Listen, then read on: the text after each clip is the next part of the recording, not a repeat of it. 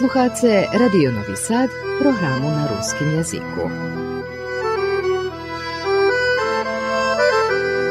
Sobotovo stretnuca.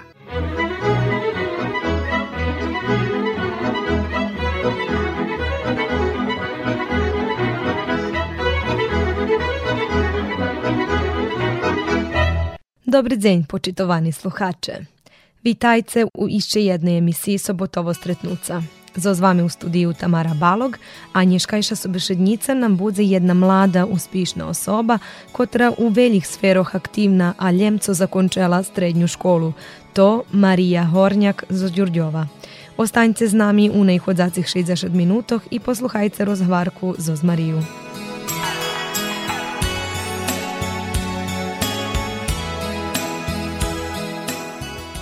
Marija Hornjak z Đurđovama 18 roki. Zakončela osnovnu školu Jovan Jovanović Zmaj u Đurđove i hodzela do ruskog odzeljenja. Po zakončenoj osnovnej školi, gdje Marija Bula Vukovec i školjarka generaciji, odlučila še i nadalje školovac po ruski i upisat še do našej ruskiej gimnaziji Petro Kuzmijak u ruskim keresture, gdje tiž Bula Vukovec.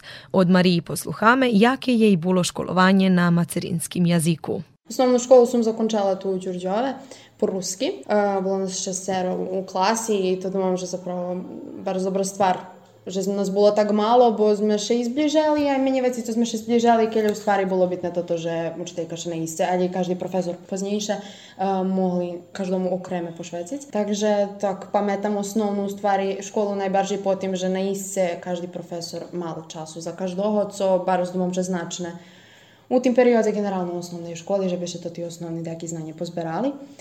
A već sam srednju školu, prosto sam še odlučila, nje znala sam že co bim, u osnovnoj sam bila i Vukovec, i bila sam i školjar generaciji, takže s takim uspihom sam mogla upisati hoću ktoru školu u Novim Sadze. Međutim, otec jedan dzień tak, predložila, že co dumaš, jak bi bilo kad bismo pošli do keresture jedan dzenj, Więc ja była taka, dobra, pojedziemy, to idziemy. Mhm. Jakby to było upisać tam gimnazjum, żeśmy poszli. Pamiętam, że był jakiś wtorek i żeśmy poszli, że ja mala tam mojej plajtażki z Oskiery, z którymi sam się poznała jeszcze skorej na różnych festiwalach.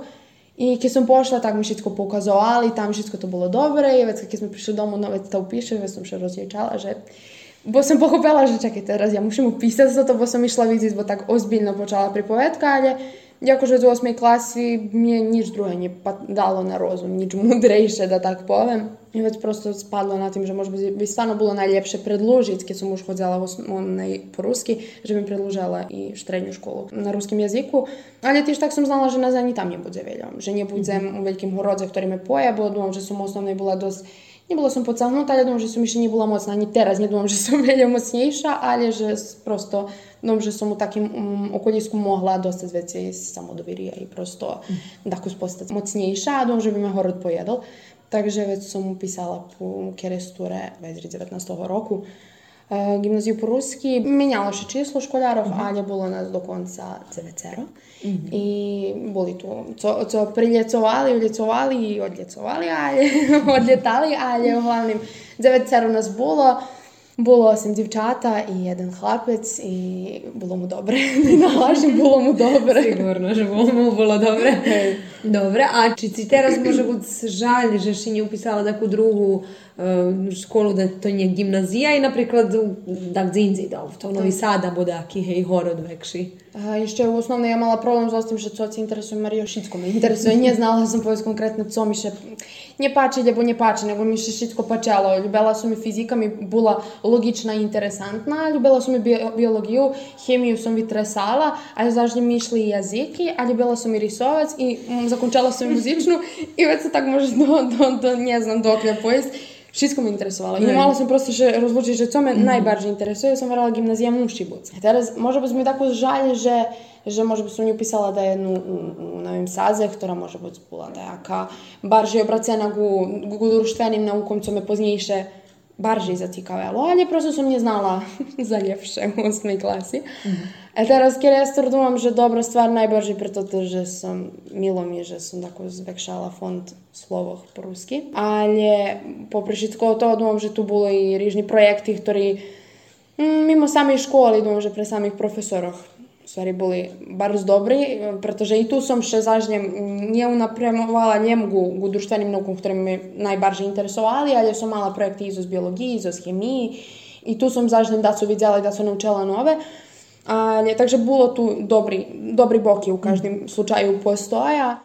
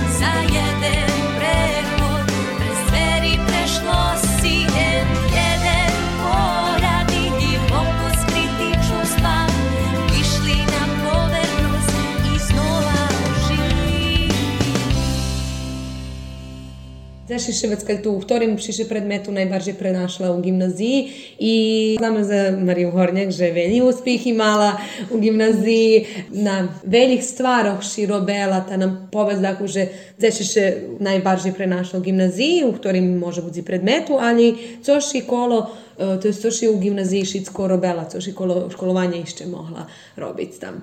U osnovnoj školi sam duže najbardziej ljubila tati jeziki i tako i z sam hodila na zmaganje, da sam postigala određeni uspjeh i isto tako iz srpskog jezika, ali tu osnovni sam še nije znala, ktorem je najljepši, naj, da pojem, ktorý predmet najbolje. Tatarski sam pošla do štrenje školi, baš preto ti projekti su mi dalje tu ostala na šitski bok je rozrucana, iako što mi nije mogla rozlučiti već i u glavi, što me interesovalo, že razumovala sam baš i o poljoprivrednim fakultetu jedan period i o studiranju deki biologiji i nje za manja čoho.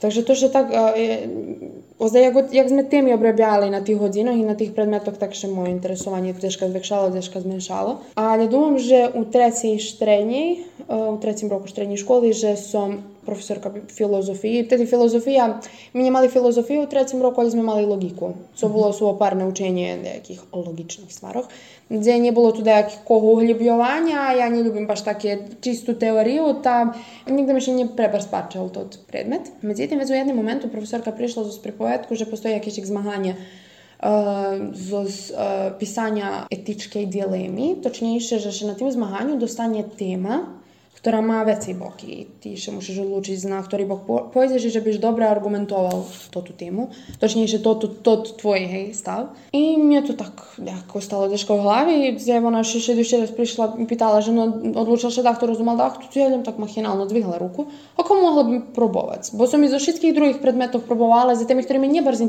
to som próbowała, to som po prostu widziała. Nie, nie dobrze mi nic nie chybało, że som.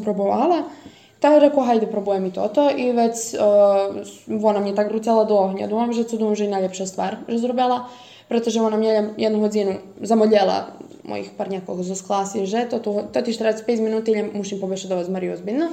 I da smo već pobešedovali, že co to znači, jak to vypatra, to u slušnosti zmaganie, ktoré funkcionuje online. Prosto še posiela to ta robota i osnovni neki osobni podatki, nič, nič da to strašne. I nie by trebalo na ni jeden profesor naj da so prevelja uhodzi, uhljubuje še do, do roboti školjara. Mi stvarno vypočitovali to. Musím nahlášiť, že ja vypočitovala všetky pravila i že jakože tema bola data, že ja sam doktor, dojam, že abo muši vybrať vekšu placu i ostať na tej roboti, ktorá mu še veci ne páči, abo dostáva jakúž druhú robotu, ktorá ho veci interesuje, a ne bude robiť u laboratórii, nebude o, o, okreme von turčnejšie osobne von pomáhať ľuďom, tak zaštím vekšu humanosť ukazuje. I već ja tu mušala dosť argumenty uh, prosto dať. I ona to njemu prečitala, rekla, dobre, ja toto posielam. Nič не chcela vypráviať i tak i poslala, međutim tu nebol nejaký úspech veľký, bar veľa roboty bolo poslati. Mm, Prosto sme dostali odvid, že, že nie, nie postihnul nič nejaký konkrétny úspech, ale jej to bar značilo, že še dach to javil i že še ja tak samo ukazala i sama vyborala za tú tému. Także jest tu mnie filozofija, to je logika tedi, bila tako tak interesantna, že to nije loša neka pripojetka, to bih ljubila tako eh, ljepše ovoj temi. Počalo se interesovati. Hey, profesorka mi tedi u jednim, jednih velikih posle toho zmahanja govorila njem, ne znaš, postoji uh, eh, u štvartim roku zmahanje za uzbešednictva i možda z njim bilo loše, ne prezrospu zrozdumaš tako zotim, ta pobešedujemo u septembru.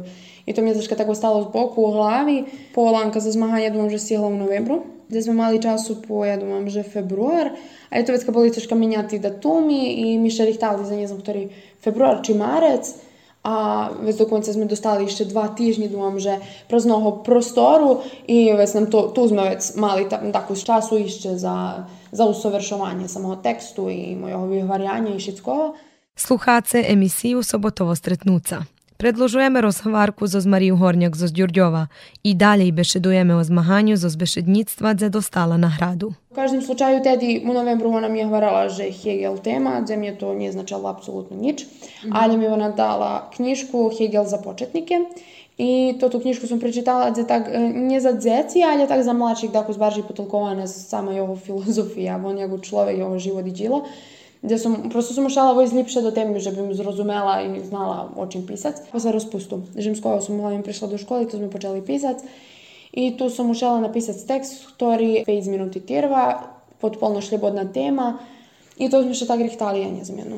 Ha, otprilike od, ja že to od novembra zvanično rušalo naše rihtanje u každom smislu, і вже відкидом вже 25 марця було і було то вельми школярів, то то змагання ще було републічне змагання, тому що наглашить, але ні. Не, то дуровень републічного змагання, але ще воз як от по-українське zmaganje, але були, було, було школярів з е, цілої Сербії, після два часті, думам, že to zmaganja, sam toto čas gdje mi vidíme i každý má 5 minuty pred publiku više dovaz, već kaže dostava druga čas zmaganja, ktorý som nemala šmilosti učestvovať, že som bar veľa energii dala do tej peršej časti.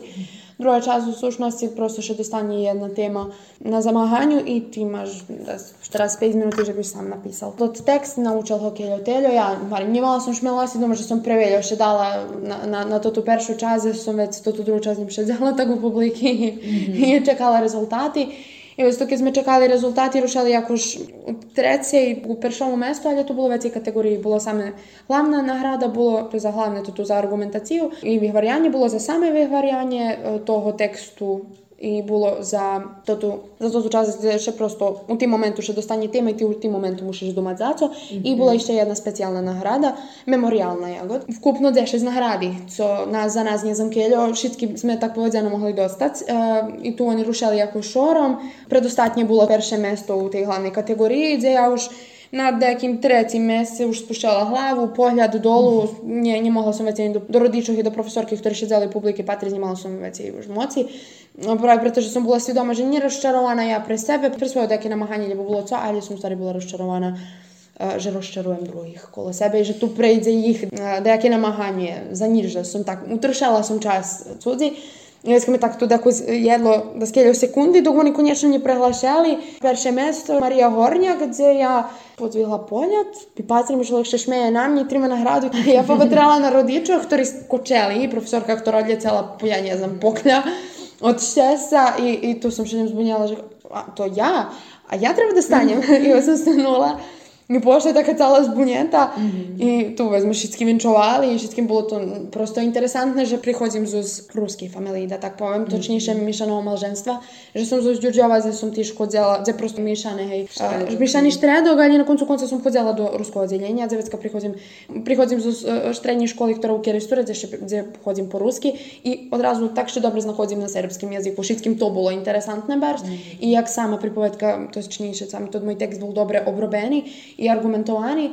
Takže u sušnosti više tak zakončelo. E, Nije dostala sam veliki bodi, ali mnje e, same to to iskustvo bilo... Co bilo- tebe to znači? Co tebe znači? To, to nije nam nagrada, Hej. uopće to, to iskustvo. E, Na koncu mi padlo, že sam Hasan som nie mala z toho zmagania, práve preto, že som ono vodí ako republičné a vypadlo, že je njem e, pokrajinské, takže som mali, malé číslo bodov dostala, ale nemôžem povedať, že pretože ono nie, nie je kvalifikované jak druhý zmahania, že preto nedobre. Ja dúfam, že nie pretože zmahania, že na ktorým ja učestvovala, kde ja dostala nahradu, tá preto moje, tá preto dúfam, že je najlepšia, ale dúfam, že jedno od bitnejších zmahania, ktoré treba, že by dostalo, že by bolo kvalifikovanšie, jak da poviem, že by prosto dostali to mesto na ktorým treba da budze i to tí školári, že by boli mm, v budućnosti nahrađeni jak spada, pretože toto bardzo veľká robota zapravo.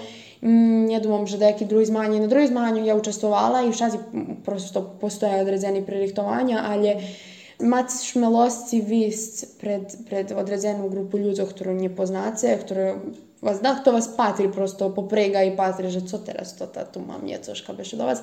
Naučiti tekst pripovedati čisto 5 minuti bez pretargovanja, ne dopuštiti, že bi se bilo co u tim prostore, u tej chviljki zbunjalo, naučiti to tekst, a ne na koncu konca i napisati, poznat dobre temu, vojs do, prosto prenešitsku literaturu, obrobi s temu za šitskih bokoh i već znaj svoje odumanje u šitskim tim i već kao viložiti to odumanje, domže bar z veliki kroča ili, bar z velike nekdo pojem, bar velika stvar I on že, še to ne ceni, nažal, ali še ne znam, že budze, preto že varim to bar, bar zbitne u stvari. I on bi kaže, še trebalo nje oprobovati, prosto ali počustvovati i vidjeti že jak je to u stvari.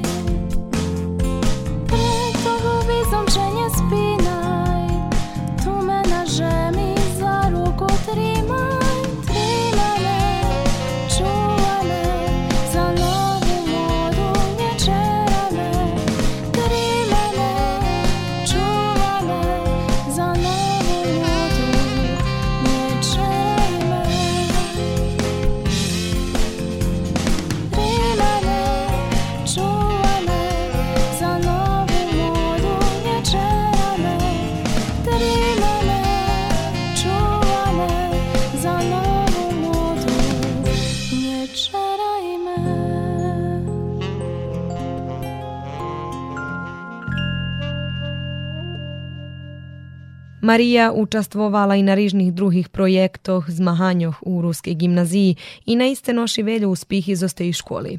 Međutim, i popri telju učenja vona všena hodzela času i za dejaki drugi interesovanja. U gimnaziji Petro Kuzmjak porušana ideja že biše znimali podcasti pod nazvu Z Petrovoho uhla, za kotri prave Marija bula zadlužena. Najčujeme od nje jak to rušelo i jak še vona znašla u tim. Što se tiče podcastu, to je padlo tako, že početkom četvrtog roku profesorka, to je točnije direktorka me povolala do kancelarije i za mene prešla prez glavu, co sam teraz zrobila, jako glupo sam teraz napravila. Bo sam postala, da bi patra zapametana po tim, že pravim gluposti. Takže mi peršeljem to spadlo na rozum, ali kad sam pošla, uh, e, ja inšak, kad počala domom, že pandemija, že sam počala sluhat uh, e, baržej, takim zavartim prostorije, šesko sam baržej i tada še stvorila u stvari tot format podcastu. Uh, za ja to već tako počala barže sluhati i провази, заінтересовуватися за таке, і було мені так ми пройшло при злаву в одному моменту, як, як би було інтересантно, кід би участвувала в таким дачем, кід би мала просто ближче деякий контакт з остим, але на концу конца, як би було добре, кід би ще у школі таке дацу направила. То me директорка поволала і говорила, що вона просто обдумала то як проект, я була така, že može, kedi, tako i rušame, šitsko može. За всичко сум була розположена і главне, главне було, що главна тема на то буду жені. У, у нашому околіску на то буду і школярки, і професорки, і, і другі жені просто, хтори, хтори можу інспірувати за свою приповедку, чия ще приповедка може б з чула. І то главне було, що кет би ми успели 5 епізодів максимально, прави, protože я рок і мам другі обов'язки, protože їх треба на концу конца на істо ті жені уклопити. i do konca a, першого полурочja, ostatnji день першого полурочja, znam, že sam porihtala všetky stvari, rušam na ženski rozpust, ali rano idem zняти ще jednu epizodu. I tak smo, t- za to, to перше полурочje zняli 10 epizodi. A, I tu še oni tak a, puščali, dom, že každej druhej i trecej, či každej druhej, štvrtej stredi. Otvorili sme YouTube kanál i već među čaše sme ešte rozdumovali skoro jak to vize, bo to rušalo dom, že od februara. nam spadlo na rozum, že aha, možda bi njim bilo loše napraviti za neki trailer, kratši video, znaš, prosto mi predstavime, bo presto ti podcasti mi predstavljali drugih, mm. a ne rekao, hajde, naj, dame sebe dva minuti času, naj, najprosto mm. poveme da za sebe. I kad rušala to ta pripovetka sam prosto, normalno že možem sama, ali to dumam, že isto dobra stvar, že z ostim njeljem ja že naučala i čula rižni pripovetki, ktoré me naiste inspirovali i teljo mm. mi bilo, uh, teljo mi značelo u stvari čuć da jedni pripovetki i teljo sam z njih veljo naučala. Keljo sam sama naučala prez tot projekt, že nie možeš sam robiti. Mušiš imati kolo sebe ľudzov, ktorí za mace podobni, isti, nebitno cilj, ktorí prosto se napremljeni gu, gu isti stvari. I keljo znači u stvari imati takih dobrih ľudzov kolo sebe. Takže mne tedy perše spadla na rozum opetaška zo klasi mi na juhas, ktorú musím spomnúť se, ona, ona mi tedy spošala, bo uh, ja, co što se týka tehnologiji, bar som taká zmotaná, nie znam nič konkrétnejšie, a bola som, mala som dva stalky, mala som dva telefóny, kameru štretku i teraz ja na tri kadry musím merkovať, prvi raz u živote robím, nie znam či mi še pretarhuje či nie, a práve pretože telefóny, kúkala memorija, pretarhovali še znimky, potpuno sme boli neprofesionálni u tým, ja še neznávam, že to tak še nepredloží, že keď naučali sme na tým, že nemôž tak robiť, ale sme, hej, zrobili tak, Ta, tu sam už na počatku perši dva epizodi rozčarovala sama do, do sebe kao ok, nje možeš biti rozrucana na šitski bok i mušiš na izmiju mm. -hmm. okolo sebe. Takže som tu uključila Mineu, ktorá jem kontrolovala to ali to, to njem že šedzela pri kameri, prva zela, že keď ich počne klipkat s baterijami, bilo značne, ne znam, prosto kontrolovať dalje rozvarku, bo podcast taki, že nie pretargovanie, peše pa dalje mm -hmm. ide i mhm. ide. nie možem ja pretargovati tu, mm-hmm. da su velike, takže vezme i uključili me, zatim ona často mala već obavljavski, već sam še zahadila moje Mila i Nataliji Žiroš, ktorá tretí rok teraz upisuje štvrtý rok gimnaziji po serbski, ali ona ruski nje zaskuli i mi še poznali i od skore i družali od skore i сотрудовали і скорей. Так же весом її включала, вона вець була така добра, що вжала і свою професіональну камеру, котру має і у руцяла вместо одного телефона, щоб знімок був просто квалітетніший. Takže i to veljovac iznačalo. To še već zakončalo teško u decembru, već počali smo pomali pušćati te epizodi. Žalj mi, že smo imali nejakú vekšu promociju, že to mi sami pisali teksti do novinu hoti, mi sami pripovedali pripovetku, sama som u, u, u radiju nahlašovala kedy vidze nova epizoda, že prosto toto nije vyprovedzené, dom, že na pravý spôsob, na ktorý trebalo buď po pripovedka dobra.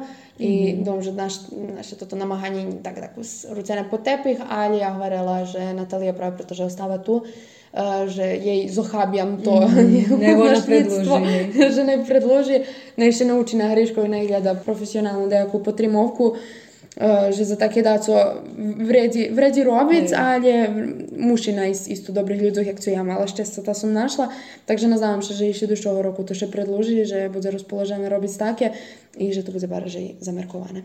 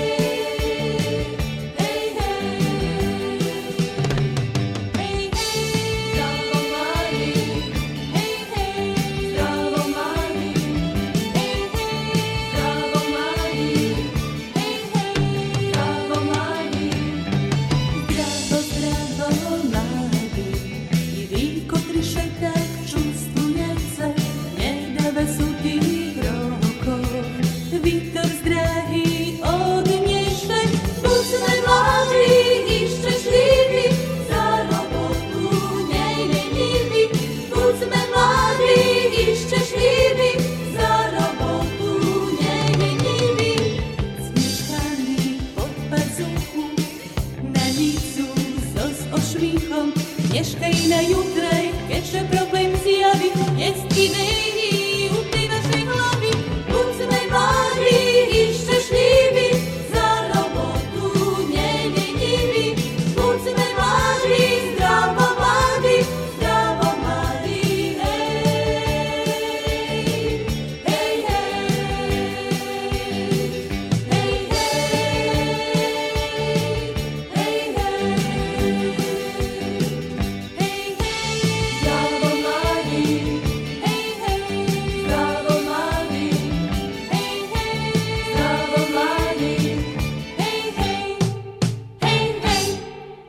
Všetky znamo, že ty e, pisalaš i pišeš i za mak i e, bulaš i aktivna i sotrudzovaš i za z radijsku emisiju, emisiju za mladi halt show i kolo školi, hej, ta najučujeme tako zi, jak i tu nosiš iskustva i konkretno za mak, ktorý temi pišeš. Uh, Keď som prišla do Kirestura, mne to vše bolo interesantné. Ešte v 8. klasi dom, že sme počali dostávať z magi, tako sme mali nahodu prosto prepatriť, jaký to noviny, već som videla, jaký témy prosto Postoje i žetonijak e, ruske slova, ali stvarno e, uh, novini, ktorý preloženi za mladih i mm-hmm. mal som še tak prosto žadanie, že jak bym ja ljubila da e, je kdo iza tej pripovedki, gdje perši rok, kje sam ušla peršao roku štrednjej školi, uh, nam profesorka ruskog tako je varala, že kada kdo zainteresovani, kada koga interesuje, tako da su najpove, i to da jako, da jako živušela pripovedke, perši tekst koji su napisala bilo u stvari o Margiti Stefanović, klavijaturistkinji grupi uh, EKV, Mm-hmm. E, to bila tedy vyšla knižka, ja ju prečítala, kúpila som samu sebe za rodzený deň, bo bardzo ľúbim túto ženu i vod som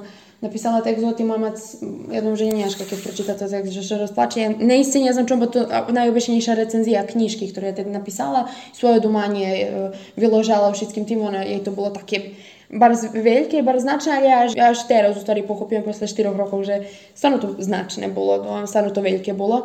Bojate ti sama to komučala kažete slovo, merkovala kažete mhm. vrečenje, baš som što tak cala pošvecala u tomu. Takže tedy som počala za ostim i predložala som zvečajno za ostim, robila som intervju mhm. i potera zaljeduvam, že zaška vše ljubim dati neki svoj vlastni pečac, mm -hmm. zohabic i ljubim še tak frantovac. I da, kiedyś się ludziom nachały, pętram z ostiem, a nie baš na, ruk, na rokom, więc mnie jeszcze bardziej tak. I więc u interwiach często nie mam nemam nahodu za takie daco, u kratkim uvodu može biti, ali nie, nie tak barz. Ali ljubim i intervju robić pravo, pretože upoznat prosto neki osobi baržej. Ali ja to robila sam po teraz intervjui, a uglavnom sam robila za rubriki, gdje, gdje svoj o, osobni upečatok od jednih stvarov, mm -hmm. o filmoch sam pisala, knjiškoh, serijoh, robila sam i teksti prosto neki visti, uh, z koncertov i z nekih zbуваннях. Takže u Šitskim domom, že som še nemu sportu не опробувала і технології, бо з тим абсолютно в'язі немам, але не повем нігда, protože Бог на to me čeka i co ja ešte zrobim.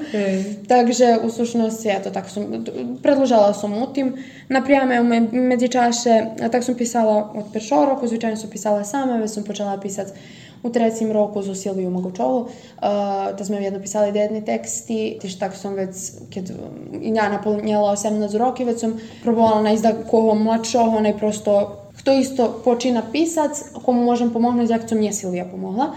I prosto sam mala potrebu da komu vra- vraciti prosto takie uh, toto uslugu, da tak povem, ta sam već uh, še uh, poradzela, da tak povem, zos Anitu Čizmarovu. Uh, ta sme jedno počali pisati i dalje pišeme i máme u planu dalje pisać, prawe pretože da kiedy jeszcze neki vekši teksti, vekši temi obrobić, abo i hođi menše dacu napisać, ali obrobić zos veci uhlov, bo ona dacu vidi tak, ja vidim tak.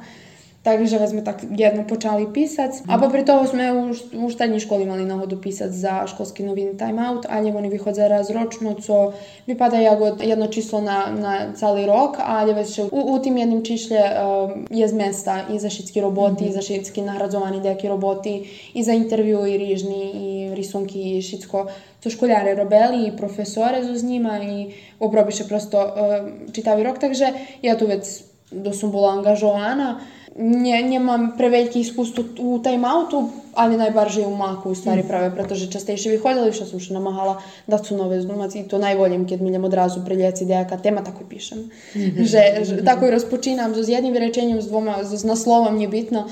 A potom si, eto, sa trudovala i za zalčom. Tam, e, poveznam na kuzi, jaké tu iskustvo máš.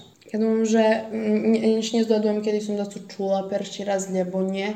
A ja som znala, že prosto da emisija postoji I už не znam ani jak vypadlo, uh, že tedy na, na Instagram storiju uh, bolo okvačené, že gledajú nových сотрудников, čo ja zadumala, možda to nie bolo loše, ale som še nije šmiljala posle sporuku na tot profil, ta som še gadjevala privatno Tamari, ali već do konca tak rozpočalo, že sme pomenši prilogi i šta som, že ja, jak da poviem, pripovedka zaozbiljala, jak co mi mak було u hlavi, že mušim toto zrobiť, lebo jak co mi було o, nejaká druhá obovязка za školu u hlavi, tak mi je postala obovязка u hlavi. Nie len obovязка, nego z- zaozbiljala mi še pripovedka u hlavi, že prosto som to teraz videla ako nejakú bitnú stvar gdje mi prosto šest padalo na razum. Możemy to, to znać, możemy ja to znać. I to mi milo, że Janita, czy s z som iz Umaku robią, tak sme i tu počali robiti i već kam jedno sme jakož našli na mm. istim, istim dajakim u Rovnju, gdje smo već počali vjedno robit i, i kjedi god da su sočuvali pravi, pretože i ona u, u kjere sture u školi, uh, že smo vjedno jakož provadzali i temi, ktorі še u školi obrebovali i deki slučovanje i zbovanje prosto ktorí tam boli, tá sme vec v jednoj tam počali robiť, takže tu cením, že i, i tu mm. som še našla i, zna, i že sme še i tu znašli mm. na taký spôsob. Robili sme muzičné rubriky také, kde mne prosto bolo interesantné. Uslušná si, ja bar ľubím muziku, poviazaná som s muzikou, keď že takto pýta, že ktorú muziku sluchám, to už veci neznam ani sama, ktorú muziku sluchám. Ľubím prenachodiť si nejaké staršie grupy, ale tiež tak ľubím sluchať i prenezdať co nové. Та так сумець ту музичну рубрику, але тут якось відзяла як одного дуже бім і сама виглядала і впущала ще до деякої якщо виглядування де музики, деякі групи, або декого е, деякі припадки, декому вивод за чові. Але ти ж так же може бути такого другого зацікавила і просто щоб йому познала за деяку нову музику, то й за нього нову музику.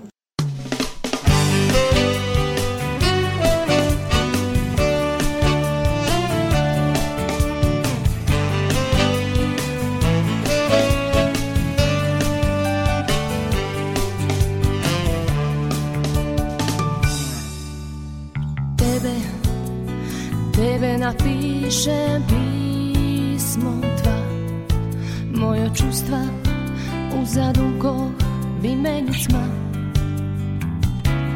Naj rozpove, jak to peče, kedah to sam. U cihosti doma šercovi state i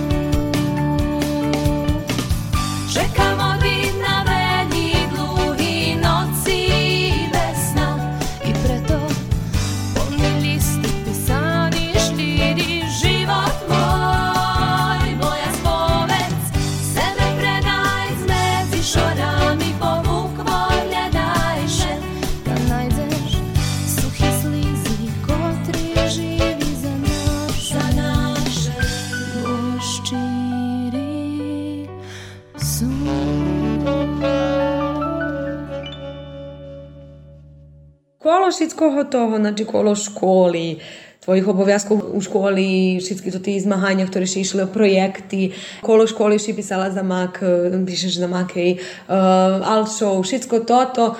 ti si huješ budz aktivna i na drugi boki. A, Jak to si spomla, ljubiš muziku, znam, že si zakončala i osnovnu muzičnu e, školu klavirke, činje sprevedam, tak?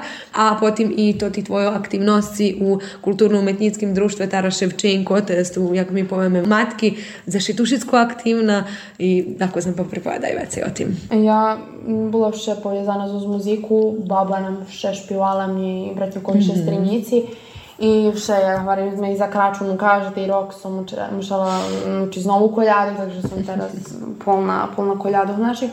Але у сущності ще так ми у фамілії барз були пов'язані з музикою. І отець, отець теж так ще співали у хлопській, хлопській групі ту матки, теж так і співав, і співав і далі у церковним хору у Розанову, takže м, як да повім, ще музика була коло мене.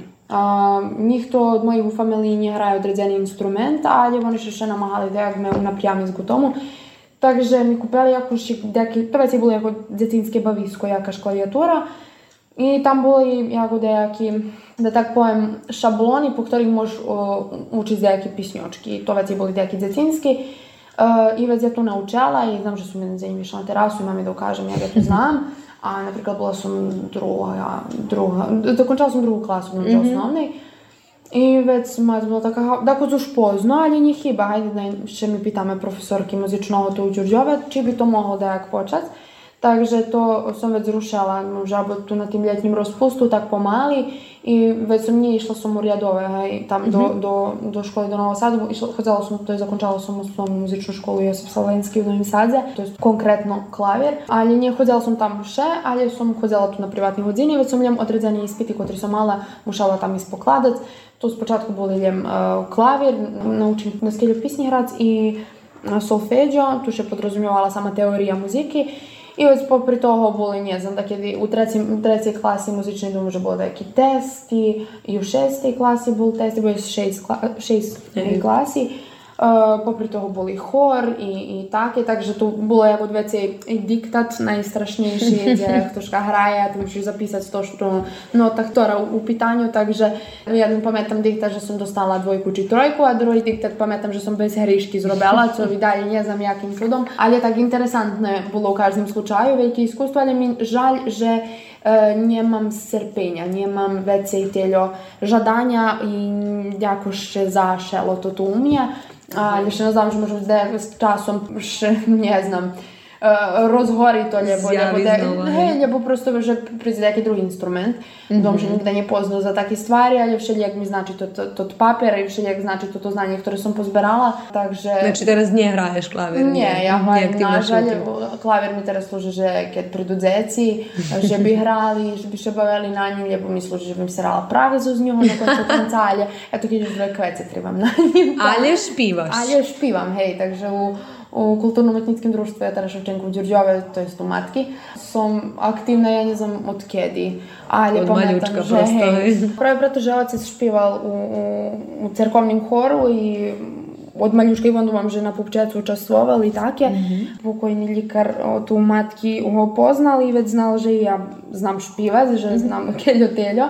Także więc kiedy sam при нього, він у створі ведел до всього того, так же, гей, у матки сум танцювала малючка на фолклору, а я сум туди почала соло співати на деяких менших тих концертах, які ми мали, mm-hmm. дитинських, вець сум ту варім рушала і на клавір, і вець туди як формувала дека наша дивотска група. Веќе сум јако часом што то поменјали ствари, уж веќе не само не знам тој падо што сум ше прерацала и до старши фолклорни групи. Веќе ви росла просто. Дуже тоа е разрушала за средњу школу, што сум разрушала и на фолклор во старши групи, али сум сме спојали тоти два групи, формована тоа која и тера стирва тоа дивотска група, шпивацка. Ти штак сум од малючка и, и глумела. Ја не знам, пробувала сум разначишли за едно може да ки 4-5 представи било добро што тоа пијата терас тоа сме правела, тоа е тоа Merkoj ženi. Po Tedi Bulošički to ti Deki Zecinski predstavi, ale u hlavne tak som, oprobovala som všu všetkých sféroch, kde ja dúfam, že tu u matky. So folklorom som nažiaľ musela prestať práve pretože som nemohla uklopiť tot internátsky život mm-hmm. i túto strednú školu zostam. Najbardziej stredne, stredná škola, že bola po obovi, a že mi to bolo oboviazka, nie, mňa godjalo prosto vysť, e, vydružiť sa, bo ja prvenstveno tu prihod do matky patrim ja god na, na druženje. Nahodu, že by sme še mi pripovedali, vydruželi i pestovali na koncu konca i ruski jazik, našu kulturu i tradiciju, ali не могла som ніяк о, у, уклопити з, з тим odходом до інтернату, takže som tu vecka to ochabela z boku, ale već s časom prišla to ta pripovedka zo, zo dramsku sekciju, sme formovali to tu malú grupu i napravili to tu predstavu, gdje sme mali premijeru prošlого roku u Juni Mišacu, hej. Tiž tak vecka zo špivackú grupu, gdje думаю, že som i najaktivnejša, gdje stalno špivame na všetkých festivaloch i to mi najvecej godzi. Ja, pretože som s časom pochopila prosto tú muzičnú, že som nie solista, a ja sam već horski špivač. Mhm. Opuštim še bardziej, kiedy nas jest więcej, możemy śpiewać kiedy my w duetu, albo jak da powiem, kiedy jak mniej jest, ale nie możemy się tyle opuścić, kiedy chórski śpiewamy, kiedy nas jest więcej, więc możemy harlat, harlat mm -hmm. i wszystko mhm. i toczniejsze. Um, opuszczęsza są, więcej mi godzi taka atmosfera. Опробувала сум ще на концу конца и у, у Розановим шпива заляваем. Вели вели обов'язки мушали по збоку праве, pretože pre životu kjerestore i обов'язки, ktoré som tam mala. Hej, rozumiem. A ty tak si mala náhodou špívať na Ružovej zahradky, uprovodzacích vokáloch, hej. Takže je to i ešte jedno muzičné, ne, tak povieme, iskústvo. Hej, viacej, tak. думам, ja všetky tu tie naše festivali patrím ako jedno veľké iskustvo. Nejdem práve preto, že my pôjdeme dzeška i že vidíme daco nové i že na koncu konca še vidíme s novým alebo s dekima ľuďmi, s ktorými še i skôr poznáme.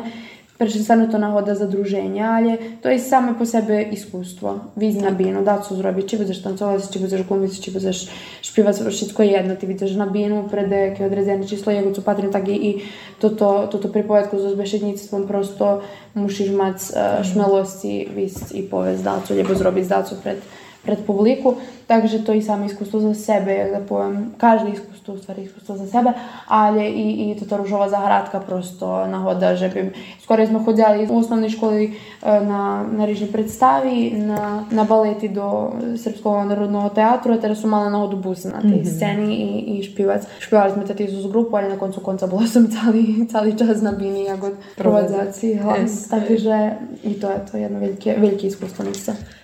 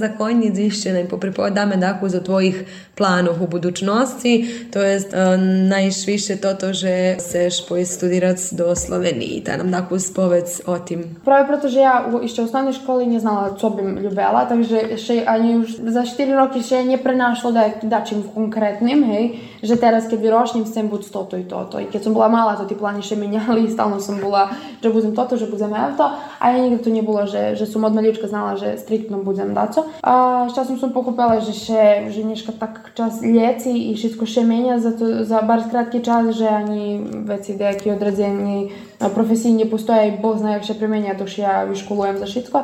Takže ja še, jak som tu i gimnaziju pisala, tak by som malo u planu pisati dacu, som tako bude naprijed menša, ali prosto naj bude zažde jaka opšća, širša tema, żeby przynajmniej masteru może da kiedy jeszcze i u budućnosti bardziej e, opredeljala i poznijejšu naprema, ali kad budem na sigurno to sem, bo jeszcze się vidim, że, że są niesigurna. Tak, jak sam zaczęła študirati, že co bym ljubila, jak bym ljubila i nic sam nie mogła tu w Serbii I prosto mi się sturala, że dobra Maria mogła się 4 roki bo zuke restura i absolutnie się še zvikla bez rodziców, mm -hmm. a vidim, že še oni zvikli bez mnie. Već sam bila taka, może može bud nje było bilo loše za co i do, do inožemstva pojs. ponieważ sam nie znala, że dziewim mnożemstwem mogla da co studirać i było takie, że jakie poziom do mnożemstwa, ja muszę im znać drugi język. Nie byłem zadowolony ze swoim znaniem angielskiego języka, więc nie była po prostu sigurna, gdzie bym ja to mogła powiedzieć. І якось сум при професорки біології дійшла до єдної дівки, хто з школі Анастасії Джуджар, хтора тера закончила перший рок студіях, основних студіях у Марібору у Словенії. Также зовсім сам ту дошла, прийшли ми до контакту i i Nješka še čujeme i konstantno še čujeme, bardzo dobro postali i ona mi bardzo veljo pomogla, pretože mi ona bardzo potolkovala co to znači studirati u Sloveniji.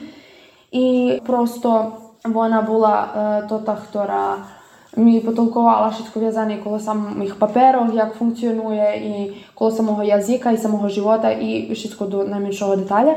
І де я почала озбільніше штудувати, то був конець третього року, думам, že keď som doznala za všetko toto a no, napríklad u oktobru, keď ona pošla do Mariboru, sme ešte počali bardziej čuť i već som še u novembru odlučala, že 1. novembra som rušala uh, na privatnej hodini slovenského jazyka. Takže som to išla pod jaký, neznam, ktorý február, tu som zakončala a jeden úroveň i veď som pokladala ispit v marcu. I som pochopila, že možno nie potreby preveľušo uhlibľovať do samej teórii, bo ja hovoria u Ljubljani, kde plánujem studirať točnejšie, kde pôjdem tá ta že še bi še doju slengu i že to ta sama teo, teorijske, to to učenje jazika i gramatično pravilno, že mi не буде велике значить, я пойдем до продавання хліб купити. Takže ani na fakultetu, bo prosto tak i društvo bude bi še dovadzi i profesori tak še s časom pušća, že som već bila, že dobre, budem sama učiti na svoju ruku, takže som već tu prenašla i literaturu, ktorá dostupna na internetu, že mi a ja tiež tak som uh, prosto odlučala, že musím uh, naučiť jazyk, točnejšie, že ho usoverším, až keď pôjdem tamto. Ano. Tak všetky varali, že taký naj, najmudrejšie v smyslu, že tak najlepšie sa naučí jazyk. A kde pôjdeš ty, povedz nám Ja pôjdem do Slovenii, pôjdem do Ljubljany na univerzitet, točnejšie na fakulte družstvených naukov. Univerziteta u Ljubljani naprijam komunikologija. Mala sam tri žadanja, ktoré bym ljubela na uč ktorým, točnejšie, e, keď na univerzitetu u Ljubljani možeš vybrati tri naprijame, keď chceš, popri tom možeš poslati i tri žadanja za univerzitet u Mariboru i za drugi univerziteti u drugih mestах. Možeš poslati, tak povedeno, ne znam, žadanja, ali ja varjela, že ja u Ljubljani sigurno mhm. sem buc, na tim fakultetu sigurno sem buc, sem su prosto većini znala, co bim ljubela. Takže, kad sam zakončovala z jezikom, to pomali počala pripovedka kolo samoupisu, točnije še končenja šitski papirologiji. Takže sam po 20 marec mala poslati tri žadanja, da sam peše pa položala komunikologiju to komunikacijni i medijski s- studiji, tak što vola naprijem. A, već druge žadanje mi bila politika i treće žadanje međunarodne odnošenja, pretože mm, me politika jak sama po sebe bar zacikavela i všetkým som še na hlavu popentrala, mám, že štre, prešej klasy, štrední školy, bo som odtedy utrala, keď nám še pýtali, že co by sme ľubeli, to som še utrala, že ja by najvoljela pojsť na politične nauky do Beogradu, ale prosto som pochopila, že najlepše pojsť a, do inozemstva i tam studirati na tim fakultetu i na tim univerzitetu ali i na drugih. Univerzitetu u, Sloveniji ne postoji nijaki prijemni. Mhm. Prosto za upis najbitnije najbitніше успіх у третім і у четвертім року середньої школи, і тож е, патрія 30% за upis, а другий 60% о, оцінюють з матури, і гей, то барш міше не звучить, і барш таке звучить, як да повем, як да то вже не у шоре, але гей, не ісе так, їм то у сущності потрібне, і нормально то ті папери, щоб були валідні, всі папери, і компletний upis ще верші онлайн, точніше, нет потреби відходити взагалі до Любляни, uh, do Slovenije uopšte skore i toho. Všetko še kladze na odredzeni sajt, ktorý še volá EVŠ. І prek toho sajtu hlavám, že dostávajú najlepšie všetky informácie. Ja hovorím, ale toto šťastie, že som upoznala Anastasiu, že by ona pomohla apsolutno každým kročaju, ale ja hovorím, isto jedna bar bitna stvar, ktorá bar značná za všetkých studentoch, to uh, Facebook grupa, ktorá za všetkých u stvari studentoch, budúcich studentoch, ali i studentoch u, u celej Sloveniji, z celého Balkánu. I tam što uglavnom ljudi naходя i, i dopisuju i komentaruju i prosto postavljaju pitanja i vše može očekovati po, po trimovku u každej chvíľky za oboč ktorú tému. Takže som i tam prenachodzala osoby, ktorí tiež upisujú jak môj nápravim, tak i druhý. Kde sme še prosto poznali, bo môj fakultet tako okolo uh, ekonomského fakultetu je duže nás jest 10-15 uh, dívky, ktorí, še, ktorí sme ešte našli z jedného i druhého fakultetu, kde še prosto už máme u planu družiť, vidieť i tak dalje. Može biti bar dobra stvar u Sloveniji to, že prek eh, studentskih tih eh, za drugog še može prenesti bar dobri roboti i bar dobre placeni eh, roboti. Gdje poslodavci prosto obovязки, že bi napravili rozporiadki spram prepodavanja, ktorý majú zaňatí studenti. Takže kolo samych studiów, które nadam že budú budu wczoraj, że wszystko będzie jak mhm. treba, plánujem jeszcze da jak po možnosti može biti svojim, lebo prosto mať nejaký dodatný svoj odredzeni penješ, ktorý ja potrošim na nejaký druhý spôsob, uh, e, za neku takvu robotu, ale jak som varala najlepšie funkcionujem, keď mám veci obovjanski, keď želim opatriti, že женщин не плаца вопшто студирање там вецка шицко друге не може представити за які векші проблем. Так, ми ці жадаме вельо успіху на студиранju у Словенії, а ми ще вецка учуємо і побешедуємо за з тобою після такого одредзеного часу, не нам повеш у печатки за Словенії.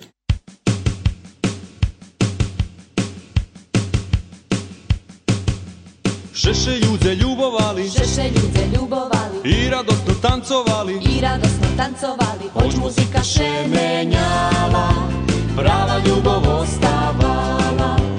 Hoć muzika še menjala Prava ljubav ostavala. Mladi ljude šeše ljubeli I veseli pismi špivali. Mladi ljude šeše ljubeli i veseli pisnie śpiewali.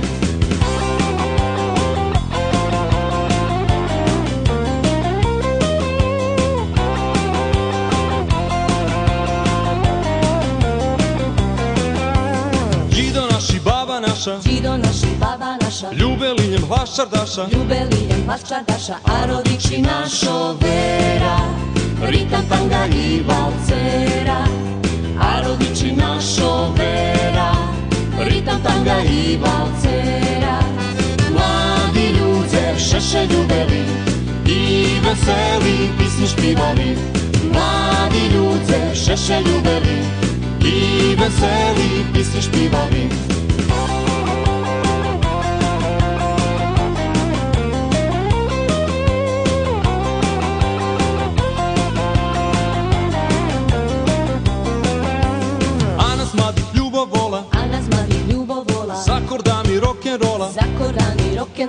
I ljubav nam dotlja čista Dok čuje me takti twista.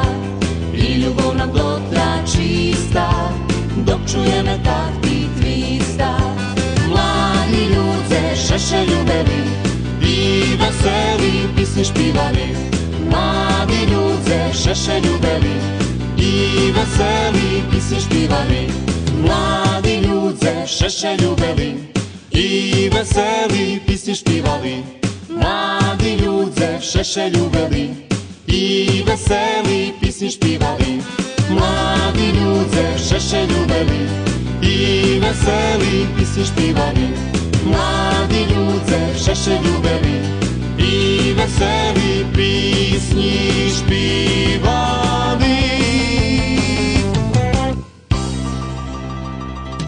Počitovaní sluhače, bola to ešte jedna emisija Sobotovo stretnúca, u kotrej nam sobešednica bola Marija Hornjak zo Zdjurdjova.